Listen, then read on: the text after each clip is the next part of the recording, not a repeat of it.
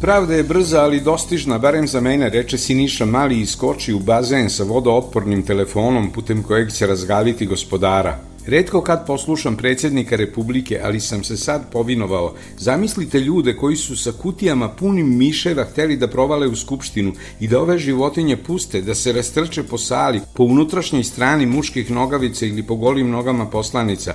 Tako je nekako vladar zborio i zaista pokušao sam da zamislim najpre ilegalni sastanak krđavih Srba, koji je krunisan idejom da se uzdanice režima podvrgnu biološkom ratu, da budu napadnuti pripadnicima vrste mus, musculus, Tad su se zadovoljni pobunjenici morali baciti na nabavku miševa. Možda su opljačkali laboratoriju u kojoj su na miševima rađeni naučni eksperimenti, mada takvu poharu policija ne spominje.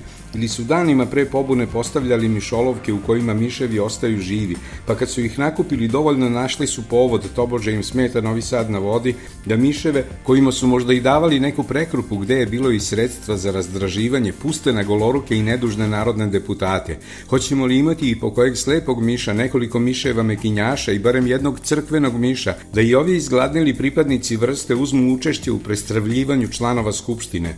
Mašta mi je k sažaljenju i k stidu mojemu podbacila. Mogu u ostalom po ugledu na doktora Šapića reći da niti sam nosio kutiju, niti sam bio u kutiji, usled čega ne verujem ni predsjedniku Republike, ali se nadam da je policija uz sadejstvo blagoslovenog privatnog obezbeđenja uspela da razoruža pristalice biološkog rata.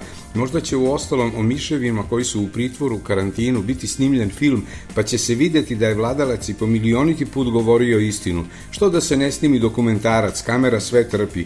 Snima komsomolku Nevenu i Orlića kako žive za to da predsjednik Republike ostane i dalje na čelu partije. To bi naravno značilo dalje kršenje ustava, ali ne možeš za jedan isti delikt da budeš osuđivan svakog bogovetnog dana. Kad smo kod ustava, pade mi na um istoimeni sud, ozloglašen zbog toga što se milion puta oglasio nenadležnim, odjednom se, naprasno tako reći, osetio blagonadležnim da preispita tužbalicu ministra Malog, kome univerzitet na pravdi Boga oduze titulu doktora, a samo poradi toga što je ministar veći deo naučnog dela prepisao ali morao je Ustavni sud napokon i da sudi, da dobio je pisma iz dva izvora, od samog doktora, drugo od doktorovog advokata. Ministar je dobio prepravednu presudu u razumnom roku, što milionima onih koji se osjećaju oštećeni u našim sudovima vraća nadu da će i njima jednog lepog dana svanuti kao što je svanulo doktoru, koga Čaršija vidi kao novog premijera. Doktor se na to našalio. U SNS su skoro svi izuzetno duhoviti, pa je sa bazena poslao gospodaru poruku, evo gde ja pišem ekspoze, što je primaoca razgalilo toliko da je to obnarodovao, te i mi kojima ministar Mali neće nikad pisati, možemo videti kako se vel može šale i vesele,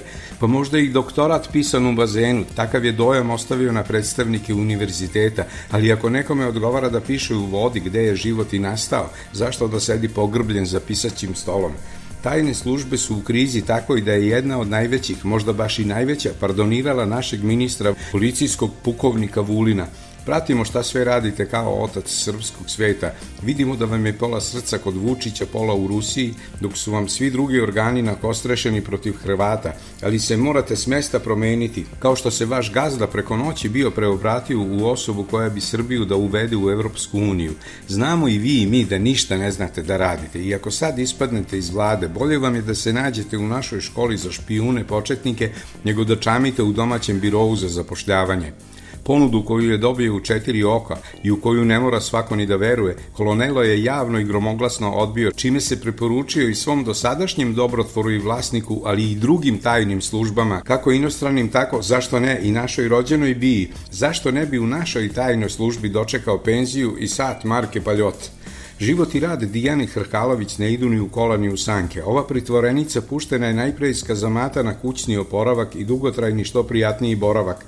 Odmah ju je bio intervjuisao njen advokat, predsjednik Skupštinskog odbora za pravosuđe, koji je i potpredsjednik stranke. Intervju je odmah predočen vas celom srpskom svetu. Svakodnevno se ponavljaju i pritvoreničini hvalospevi kralju suncu, Svetovno Vučiću, i njene napad na policajca koji je otkrio plantažu marihuane kakvu nemaju ni razvijenije zemlje.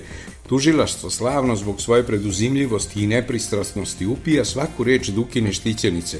Ustavni sud, probuđen do duše drugim povodom iz vekovne letargije, pomno, verujem, beleži i pravnički tumači svaku reč ove do juče visoke dužnostnice i miljenice naših najviših rukovodilaca.